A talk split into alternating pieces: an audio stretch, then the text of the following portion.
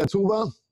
אנחנו אה, בעזר השם לקראת סיום חוברת חלק ג' של בן אדם לחברו, ואנחנו לאחר מכן אה, נעבור לתוכנית מיוחדת, פרויקט מיוחד, סליחה, עד שיעבור, יגיע המחזור הבא של הצורבה, שזה מחזור חדש שנתחיל מההתחלה למעשה, בתוספת, בשינויים, בעדכונים כאלה ואחרים. אבל לפני שנגיע למחזור הנוסף, אנחנו נעסוק בפרויקט מיוחד שנקרא בין אדם למשפחתו. כל הדברים הנוגעים בענייני משפחה, משברים בחיי הנישואין, משברים בין הורים לילדים, דיני חינוך, כל מה שסובב סביב הבית הקטן של כל אחד מאיתנו, במצבים כאלה ואחרים, זה יהיה למעשה החוברת הבאה, ולאחר מכן אנחנו מתחילים בשעה טובה ומוצלחת את הסבב הבא של השולחן ערוך במסגרת הצורמה. היום, כדי שנוכל להיות לקראת סיום חוברת חלק ג', נעסוק קצת במה שהתחלנו בשבוע שעבר, על דברים שבהם אנחנו יכולים כן לדבר לשון הרע. איסור לשון הרע, כמו שאמרנו, מהאיסורים החמורים ביותר שיש, ולמעשה לא מצאנו עוד איזשהו איסור בתורה, שלפי החפץ חיים, בכל אופן, יש לו כל כך הרבה מקבץ של איסורים ארורים לעבור על לאווים ולעבור על הסים, אבל עם כל זאת, פתאום העסק יכול להתהפך. במצבים מסוימים, אם אתה שותק ולא מדבר, אני אומר שבצורה קיצונית, לשון הרע, ייתכן שאתה עובר אפילו על כמה איסורים, באופן כזה או אחר. אז על הנושא הזה היום הייתי רוצה לדבר. הדבר הזה נמצא בחוברת בין אדם לחברו למי שמחזיק את החוברת.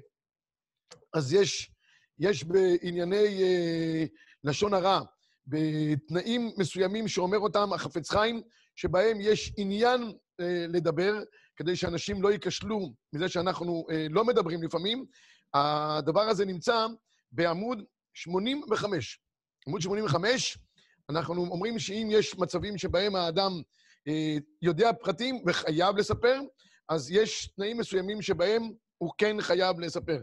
זה למעשה אה, בעמוד 85, לאחר מכן זה גם עובר לעמוד 87, ואני, אה, ברשותכם, על, על דברי החפץ חיים, שבהם עסקנו בשבוע שעבר, שהוא דיבר על שבעת תנאים בסיסיים, שבהם יהיה את האפשרות לדבר לשון הרע, אני רק אחזור על התנאים. היום אני רוצה לפרט יותר הלכה למעשה, בגימל דברים שבהם יהיה מותר, ואפילו כמו שציינתי, מצווה יהיה לספר לשון הרע. קודם כל, בואו נעסוק בתנאים של החפץ חיים, זה נמצא בעמוד 87, מקור 8 למי שיש את החוברת. אחד, שאדם רואה את הדבר בעצמו, לא שמע, לא באומדנה, אין דבר כזה. אני כבר אמרתי בשבוע שעבר, ההגדרה צריכה להיות שאנחנו דיינים. דיין, יש לו כללים איך הוא פוסק הלכה. הוא חייב לדעת את זה בצורה הכי ברורה שיכולה להיות, או על ידי שני עדים, הוא לא שומע את זה מכלי שני. יש דין שדיין לא שומע עד מפי עד. אין דבר כזה שדיין שומע עד מפי עד שסיפרו לו, שאמרו לו. הוא חייב להיות באופן ברור, או שני עדים או שורה בעיניים שלו. הדבר הזה בדוק וברור אצלו. דבר נוסף, שייזהר מאוד שלא יחליט תכף את העניין בדעתו מה ההגדרה של הדבר, אלא ישקול הלכתית, האם יש באמת איסור הלכתי כן או לא, ואז פונה לחוטא, עושים את זה בדרכים עקיפות, עד שאנחנו מגיעים לספר לשון הרע, צריך לקחת, שייקח זמן. מבררים את הדברים, פונים לחוטא, לא יגדיל את העוולה מעבר, בלי תוספת פלפל, מלח, קצת שמן ותבלינים לסיפורים המעניינים שאנחנו רוצים לספר, ושיכוון לתועלת בלבד. אני אומר פה, צריך שיהיה דבר לשם שמיים. אני באמת, אין לי שום נגיעה בדבר הזה, אין לי שום אינטרס. פעמים, כשאדם יש לו איזה רצון לנקום במישהו, אז כהזדמנות, הוא כבר מספר עליו לשון הרע, מוסיף את הדברים האחרים, לכאורה זה אפילו בהתר, אבל כדי לנקום בו הוא כבר מוסיף מלח ופלפל, והרי שכבר בזה, במקום שהדבר הזה יהיה לתועלת, זה עובר ללשון הרע. ו... שני תנאים נוספים, אם הוא יכול לסרב את התועלת בגוף אחר, בעצה אחרת, אם אתה יכול שלא על ידי לשון הרע, עדיף, ולא יסובב את הסיפור היזק נדון יותר מכפי הדין, שיוצא אילו הוא עד עליו באופן זה. הנה, בדיוק ככה החפץ חיים מגדיר, שאנחנו כדיינים שיושבים בבית דין, ולא לסובב את הסיפור יותר מכפי הדין שהיה יוצא אילו הוא עד עליו באופן זה, על דבר זה בבית דין. נקודה. אחרי שהקדמנו את ההקדמה וחזרנו על היסודות שהם חשובים מאוד, היום אני ברשותכם רוצה לפרט את הדברים הלכה למעשה, במה ובאיזה מקרים מותר לדבר לשון הרע. אז אני חילקתי את הדברים לשלושה חלקים, מה קורה בחינוך, במסגרות חינוכיות כאלה ואחרות, מה קורה בענייני שידוכים, ומה קורה בענייני עבודה. עבודה בתוך העבודה, או לקבל אנשים לעבודה. אלה שלושת המקרים שבהם, ברשותכם, אני רוצה לדון במסגרות ההלכה, מתי יהיה מותר, כפי שציינתי, ואפילו מצווה, לספר לשון הרע. אז קודם כל בענייני חינוך. יש מנהג מגונה של אה, מורים ומורות שנמצאים ביחד בחדר מורים, או באספת אה, אה, מורים שמדברים התלמידים, ויש אה, דבר שהוא לתועלת, להעלות תלמיד על, על, ה, על המוקד, על המזבח, ואז כולם מתחילים לשפט אותו באופן כזה או אחר, מה הוא עשה ככה, מה הוא עשה ככה, כל אחד אומר את מה שקרה אצלו. בדברים מסוימים זה דבר חיובי. רוצים לראות מה התמונה הכוללת לגבי התלמיד, מה הציונים שלו, אם צריך קידום, אם צריך עזרה, כל מה שנעשה לשם תועלת מצוין. הבעיה היא שתוך כדי העלאה של השם, אנשים אוהבים כבר לספר גם את ההיסטוריה המשפחתית שלו, ומה ההורים שלו עשו או לא עשו, ודברים שנוגעים אליו מעבר ללימודים, ואופיו וכולי. הדברים האלה שהם לא נוגעים לחינוך שלו, אני מדגיש, יש עניין של אה, הלימודים והחינוך. מה שהוא יכול לאפשר שהתלמיד יתחנך יותר טוב ויהיה אדם יותר נעלה, זה מצווה, מצווה לספר. כדי שכולם יהיו ממוקדים בהעלאתו על, על המסילה הנכונה. אבל כל דבר שהוא בא לתוספת, סיפורי מעשיות, מה שקרה איתו בהפסקות, אם זה לא לתועלת, או דברים כאלה ואחרים שקרו, יכול להיות אפילו באופן חד פעמי, שמעו אותו אומר איזה דבר מגונה, יכול להיות שהוא אפילו היכה, וזה טופל. טופל, הדברים כבר מצאו? לא. מעלים אותם עוד פעם, ממחזרים אותם, מורים אוהבים להראות שיש להם ידיעות אה, אה, מאוד אה, מודיעיניות על כל תלמיד, והם יודעים, זה מראה על כוח וידיעה בלתי רגיל, רגילה. אני מציע שאת הידיעות של האדם צריך לשמור לש"ס ופוסקים, לידיעת התורה. שאר הדברים האחרים שהם לא רלוונטיים, חבל לאבד תאי זיכרון על הדברים האלה. זה לא, לא מרומם את האדם אם הוא מספר לשון הרע, זה לא עושה אותו יותר חכם ויותר נעלה בעיני הבריות, אדרבה. הרבה פעמים נראה לו שהוא בעל הידע ההיסטורי והידיעתי והמודיעיני על אותו תלמיד, סוף דבר זה מוזיל אותו בעצמו, ולעניות דעתי גם, זה לא מחנך אמיתי. מחנך אמיתי, יש מול עיניו דבר אחד בלבד, רק תועלת התלמיד. בשביל זה אתה מחנך. וזה מה שאומר הרמב"ם גם בהלכות תלמוד תורה. הרב שמלמד צריך שהתלמידים יתחדדו וידעו, ויהיו תלמידים הגונים. אז אם יש חיסרון בנו כמורים, כמלמדים, שאנחנו לא הגונים כדבעי, וחלק בחוסר ההגינות זה לספר עליו אינפורמציה לא רלוונטית.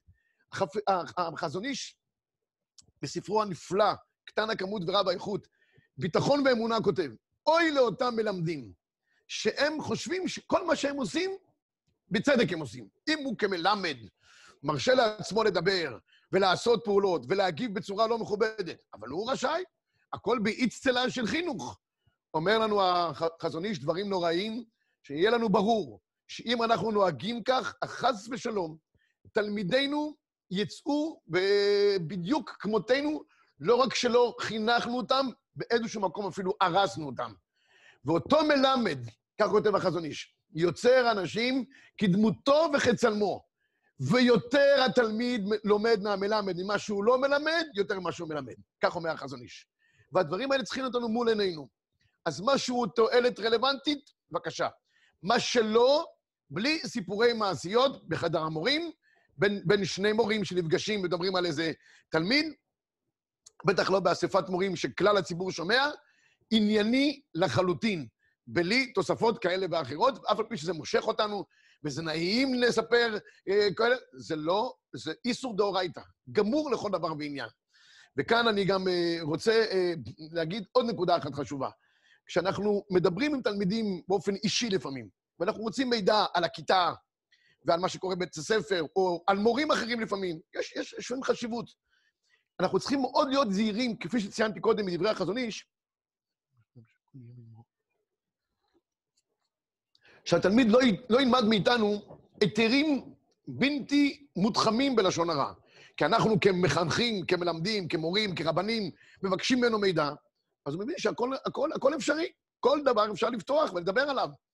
אנחנו צריכים להקדים הקדמה. אם יש משהו רלוונטי, קרה משהו בכיתה, אנחנו צריכים לדעת את הידיעה שקרה משהו בישיבה. מישהו עושה איזשהו נזק סביבתי. יש בחור בישיבה שיוצא בזמן הקורונה, מסכן את כלל הישיבה. זה דבר מאוד נקודתי, מאוד הכרחי לדעת מי זה, כי הוא מסכן את הציבור, וכבר אנחנו אומרים עליו שיש בו גדר של, של רוידף, באופן כזה או אחר, כי הוא רודף את הציבור כולו, ובגללו יהיה גם סכנת נפשות וגם ביטול תורה. אז צריך, כשלוקחים את המידע, שהתלמיד ירגיש שהמורה עושה את זה בשיא האחריות ההלכתית. אני מבקש ממך לפני כן, יגיד עוד הקדמה, לא לספר לי שום דבר מעבר, רק בדיוק מה שאני צריך לדעת, לצורך העניין, ותו לא. אם התלמיד פתאום מתחיל מעצמו להרחיב עוד דברים שיש לו ידיעות, תודה רבה, זה לא רלוונטי לעניין, אני מודה לך מאוד, קיבלתי את המידע הנכון. כשהתלמיד ירגיש שיש לנו אחריות הלכתית על הפה שלנו, וזה נותן המון חינוך של מול עיניו הוא רואה מחנך, שהוא שלם במידותיו, בהלכותיו, זה משפיע המון על התלמיד. אם הוא רואה שהמלמד מעצמו מקל ראש, מעוניין לשמוע כל דבר, התלמיד מתחנך עם זה לכל חייו. לשמוע את הדברים, להתנהג בצורה הזאת, וזה לא רק הקלת ראש בענייני לשון הרע, בסוף זה הקלת ראש בכל ענייני ההלכה. כי זה בניין אב לכל צורת החינוך. לכן אנחנו צריכים מאוד להיות זהירים בנקודה הזאת. מדבר לדבר אני רק רוצה להזכיר שאנחנו צריכים לקבל מידע כזה או אחר. וכבר עכשיו שואלים גם הרבה מהציבור, האם מותר להלשין לאדם שהולך בלי מסכה, או שהוא חייב להיות בבידוד והוא פרץ את הבידוד ויצא החוצה. בכל המקרים האלה, רבותיי, מצווה לספר לשון הרע ולמסור את אותו אדם למשטרה או לרשויות הרלוונטיות, כי מי שמסכן את הציבור, אין שום ספק שחובה להודיע עליו.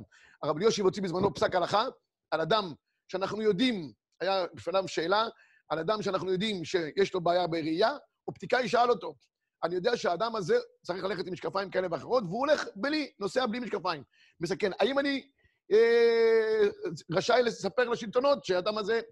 הרב אלישיב אמר לו, לא רק שאתה רשאי, אתה חייב. אתה יודע שאדם נוהג לא בצורה נכונה, הוא בלתי כשיר לנהיגה בגלל ראייה, בגלל מצב בריאותי, בגלל שכרות, חובה ומצווה עליך לספר. מי שלא מספר, חפץ חיים כותב על זה, עובר על איסור, לא, לא, לא תשים דמים בביתך, צריך להסיר מכשול מהציבור. הוא עובר לא תעמוד על דם רעיך, על הציבור הכולל. הוא עובר על, על, על, על גדר של ואהבת לרעך כמוך, כי הוא לא אכפת לו מה, מהציבור. יש כמה וכמה, ואו, עוד דבר אחד נוסף, ולפני עיוור לא תיתן מכשול. אנשים שמסכנים את הציבור במצב של הקורונה שאנחנו נמצאים בו עכשיו, שהמצב מאוד מסוכן, בענייני נהיגה, בדברים שהם סכנה לציבור, חובה עלינו לספר. שם אין פתאום שיקולים. כמובן, כמו שאני תמיד מציין, רלוונטיות, עניינית. אני צריך לספר את כל הסיפורים, כל ההיסטוריה המשפחתית שלו. מה שנוגע לציבור כדי להרחיק את האדם מן הציבור שלא ייכשלו בו ולא יהיו ניזוקים ממנו, חובה עלינו לספר. פה אין צדקות. על זה נאמר, אל תהיה צדיק הרבה. בבקשה. יש אחד שמסכן את הציבור, אה, הרב אדלשטיין הוציא אתמול פסק הלכה, שמי שלא נוהג כדבעי בהלכות קורונה, הלכות קורונה, הלכות קורונה זה הלכות ונשמרתם מאוד על נפשותיכם. יש לו דין רוידף, אז לא יודע אם מותר לפגוע בו פיזית, מדיני רודף, אבל ודאי למסור אותו לשלטונות, או להתריע בפניו, חובה ומצווה קדושה. זה בעניין הזה של המחנכים. בענייני בית הספר, ובית ספר הוא מוקד מדגרה ללשון הרע באופן כזה או אחר. לתשומת ליבנו, אם אנחנו רוצים לחנך בצורה עילאית, חלק מהחינוך זה סגנון הדיבור שלנו כלפי התלמידים שלנו. אני רק אסיים את החלק הזה של החינוך כרעיון נפלא, עד כמה כל פעולותינו, לא רק המטריה שאנחנו מעבירים, לא רק הציון שאנחנו רוצים להשיג, אלא כל ההוויה של החינוך היא חלק מהוויית החינוך. ומורים שמדברים לשון הרע הם מורים הרסניים בחינוך. אולי לא באופן ישיר, אבל באטמוספירה התלמידים קולטים מסרים מאוד שליליים. גם אם שני מורים מדברים בשקט ואף אחד לא יודע מזה. גם אם, חד... אם האספת מורים נעשתה בצורה מאוד סגורה ולא מוקלטת וכולי. לא משנה.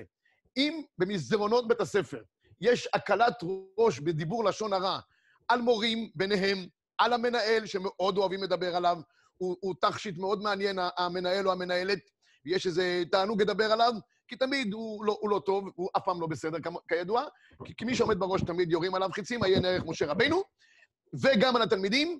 הבית ספר הזה הוא לא מתנהל באטמוספירה חינוכית נכונה, ואל תתפלאו אם לפעמים יש תוצאות קשות מהבוגרים, כי החממה שבה הם גדלו, גדלה הייתה כנראה לא חסומה בפני מזיקים כאלה ואחרים.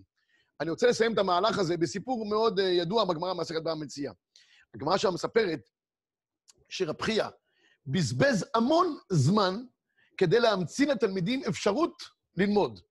הוא לקח זירי פשתן, זרע אותם, עשה מהם, מהפשתן עשה מצודות, עשה כל מיני דברים שהוא יכול לצוד בהם חיות, רשתות, ברשתות הוא היה לוכד את החיות, את הצבי, לוקח את הצבי הניצוד, שוחט אותו, מחלק את בשרו ליתומים ולאלמנות, על האור, על הקלף, הוא היה כותב חמישה חומשי תורה, שישה סדרי משנה, הולך למקומות רחוקים, מלמד ילדים ממקומות נידחים, היה עושה מכל תלמיד גם מלמד, זה הדבר הכי גדול שיכול להיות בחינוך, להפוך תלמיד בו ברגע גם למלמד, יש לו אחריות, הוא מלמד את האחרים, וכך הוא העמיד תלמידים הרבה והמשיך את התורה בישראל.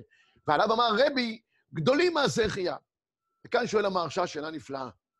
מה יש לרבי חייא הגדול, כך, כך קראו לו, רבי חייא הגדול, לבזבז את זמנו על זריעת פשתן ולעשות מזה, מזה רשתות, ולאחר מכן לקחת את, אה, את, כל, ה, את כל העסק הזה ו... בשביל מה? לא חבל על הזמן? לך לגיטלר, לך להוצאת חפץ חיים, תקנה חמישה חומשי תורה בסט קטן, פורמט כיס, אה, שולחן ערוך, פורמט, הכל יש היום פורמט כיס. תקנה, תביא את זה לחבר'ה בדרום, בצפון, במקומות הנידחים, בפריפריה, ותלמד. אומר המהרש"א דבר נפלא מאוד מבחינה חינוכית. ידע רבי חייא שהוא רוצה להעמיד תלמידים לטווח הכי רחוק. בשביל להעמיד תלמידים שהתורה תיספג בהם, צריך להיות כלי קיבול שהוא נוסד בטהרה. אחרת, אם הדברים לא נעשים בטהרה, הכלים שלתוכם מערים את החומר, הם כלים כנראה חרורים, הם, הם, הם כקברה, הם כנפה. הדברים בסוף נוזלים. הרבה פעמים אנחנו רואים בחינוך, אנשים מדברים ועושים ומשתדלים, לא נקלט, לא נספג. למה? יש חורים בחינוך, משהו לא עובד. ידע רבי חייא, שאם הוא רוצה שהדברים ייקלטו כדבעי, הכל צריך להיות בטהרה. הקלף, הכתיבה, עצם זה שבקלף, בצד שלו, הבשר ניתן ליתומים ולאלמנות, זה משפיע גם על הקלף. בסוף זה משפיע על התלמידים. אומר המהרש"א דבר נורא. לו הוא היה הולך לקנות אותם, עצם הקנייה, הביזנס, שכל ביזנס, כל קניין, כל מקח או ממקח הוא, הוא כבר אינטרסנטי, יש קונה ויש מוכר, מי שרוצה להרוויח, זה היה פוגם בתלמידים בכיתה. בדרך לא דרך. אם אנחנו רוצים שהכל יהיה בטהרה, וזה ייספק בצורה האידיאלית, מאה זרעים למטה. עד ההגעה של הספרים לתלמידים, כל שרשרת המזון צריכה להיות אידיאלית. אני אומר גם כאן אותו דבר. אנחנו נמצאים כבר בשיעורים, מלמדים, מוסרים את נפשנו. לא מספיק. שרשרת האווירה במקום, שהיא הרבה מאוד כמכשול ענייני לשון הרע, הוא חלק מיצירת חינוך אידיאלי. מי שמרשה לעצמו לספר ולדבר על אחרים בלי חשבון, לצערנו הרב זה גם נמצא בישיבות וגם במקומות כאלה, מדברים על הרמים, ורמים מדברים בינם לבין עצמם, מדברים על הראש ישיבה, מדברים. למה? להם מותר. הם, הם, הם, הם, מעל, הם מעל ההלוכה. מי שמרשה לעצמו להיות רכלן ובעל לשון הרע בתוככי מוסדות חינוכיים, הוא הרסני, והוא הורס את כל החברה שנמצאת סביבו. ושלא יתפלא בתוצאות הבלתי רצויות שיוצאות מתחת ידיו. זה היה החלק הראשון של ענייני חינוך. עכשיו נעבור לענייני שידוכים. אחד מהדברים המורכבים ביותר שיש, זה דיבור בש... בסיפור על מועמדים לשידוך, באופן כזה או אחר. אני לא מדבר כרגע על שטחנים שהמקצוע שלהם, מי שהוא שטחן מקצועי, לא מדבר על מי שעושה את זה כחסד, ובדרך כלל גם לא יוצא מזה הרבה, וגם לא משתדל הרבה, לצערנו הרב. אבל, אבל שטחנים שיש להם אמביציות, כי הם מרוויחים איזה חתיכה ראויה להתכבד, וגם זה כסף טהור, הם קוראים לזה, יש הרבה אידיאלים בעניין הזה של השידוך עם תמורת כסף. זה בסדר, זה, אין שום בעיה הלכתית בדבר הזה, ההפך, מגיע לו על פי דין, לפי, ה, לפי המחבר בשולחן ערוך. מגיע לו. אבל הרבה פעמים השטחנים, כמובן צריכים לייפות את, את המקח שלהם, כמו שכל מוכר מייפה את המקח שלו, שזה הכי טוב וכולי, זה בסדר. זה בסדר, לא, אבל ככה, ככה זה מנהגם. אני מדבר כרגע על אנשים פשוטים כמונו, שלא עוסקים במקצוע השטחנות. והם שואלים אצלנו שאלות. האם מותר לדבר ומה מותר לספר? אנשים רוצים מידע. אני רוצה לחלק את ה... מה שמותר לספר וחובה לספר, ומה שהוא בגדר גבולי ומה שאסור לספר. יש לנו שלוש, שלוש אה, חלקים לעניות דעתי, ואני רוצה לתאר את כל הדברים האלה. תראו, אם פונים אלינו באינפורמציה סביב ענייני חולאים שיש למועמד או מועמדת בשידוכים, חובה עלינו לספר. אנחנו יודעים, לא עלינו, שיש להם מחלת נפילה, חס ושלום. או, או, או, או חולי כזה או אחר. אנחנו יודעים את זה, זה ברור לנו. במצב כזה, אנחנו חייבים לספר. לא תעמוד דמריך. הגמרא אומרת שאדם צריך לשאת באופן עקרוני שבני הזוג יהיו בריאים, כדי שבעזרת השם יוכלו לעמוד, להעמיד גם ולדות בריאים. זה המטרה. ואם אדם יודע מידע כזה או אחר, הוא צריך לספר. האם ההוא יחליט ללכת על הסיפור הזה, כן או לא? תן לו להחליט. אבל לספר, אתה חייב. ענייני חולאים, ברור. מה קורה במקרה שהיה חולי, אי שם, בעבר הרחוק, עכשיו הוא כבר לא. ברוך השם, הבחורצ'יק נרפא, הוא מרגיש טוב, הכל בסדר גמור. כאן זה כבר נמצא על גבול התפר.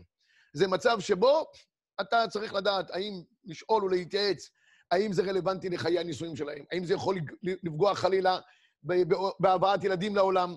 שם תעשה שיקול דעת. חולי עכשווי, ברור שיש מצווה לספר. חולי שהיה לשעבר, ואולי הוא רלוונטי או לא רלוונטי לחיי הנישואים, תשאל רופא. זה, אולי זה כבר עבר, הרופא אומר לך, תשמע, עזוב, היה, נשכח, נגמר העניין.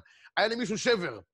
לא חושב ששבר יכול להזיק לחיי הנישואין או להבאת ילדים לעולם, או כל דבר אחר. אבל יש חולאים שהיו פעם, אבל יכול להיות שהם היו צריכים נזק עתידי. כאן ראוי, לפני שאנחנו מוציאים אינפורמציה שאנחנו יודעים אותה באופן אישי, להתייעץ עם בעל מקצוע. זה נקודה אחת. אם יש דברים, כמו שאמרתי, שהם בכלל לא רלוונטיים, הוא פעם פתח את הראש, עשו תחבושת. נו, כולנו, ברוך השם, הראש שלנו נפתח במשחקים כאלה ואחרים. לא יודע, היה לו כזה שבר או אחר. לא רלוונטי. לא רלוונטי, אל תספר, חבל להוציא דברים, חבל גם ליצור ספקות מיותרים. מה שלא רלוונטי, דלג, הלאה. מה עוד חובה לספר? יש למשל בעיה של איחוס. יש פה ילדים שהם מאומצים. ילד ש... ילדים שהם, אה, לא יודע, אספו אותם באופן כזה או אחר. אה, הילד הזה נולד מאם חד-הורית וכולי. אתה יודע את זה. זה דברים שאנשים חשוב להם לדעת. הם, הם, הם גרים, הם מאומצים, אה, יש בעיה עם הייחוס שלהם, לא יודע, יש איזה לעז שמספרים על, על האם אה, באופן כזה או אחר, לא צריכים פה להרחיב דברים. בדברים של ייחוס של אנשים חשוב להם שהילדים יהיו מבתים טובים, זאת אומרת, מבתים שהילדים שלהם לא מפוקפקים ולא פתאום יצאו כל מיני דברים כאלה ואחרים. במצב כזה, אתה צריך לספר אם יש לך מידע ברור. לא שמועות, לא רכילות ולשון הרע שמדברים בחזרת השעת בבית הכנסת או בקידושים, דברים אמיתיים שברור לך, תספר. זה עניין שלפעמים אנשים חשוב להם. יש משפחה שיש לה בעיות אה, של עבריינות, משפחה אלימה. יודעים שאלימות במשפחה הזאת. משפחה שהיא אה, מסובכת עם השלטונות באופן כזה או אחר. יש דברים שיותר חמורים, דברים פחות חמורים, אבל אם אתה יודע שיש משפחה עבריינית, שהבעיות של, של, של, של, אה, כמו שאמרתי, אלימות, סכסוכי שכנים באופן קבוע, דברים שהם מהווים משהו שמלמד על אופי המשפחה כולה שבה הילד גודל, מן הראוי לספר.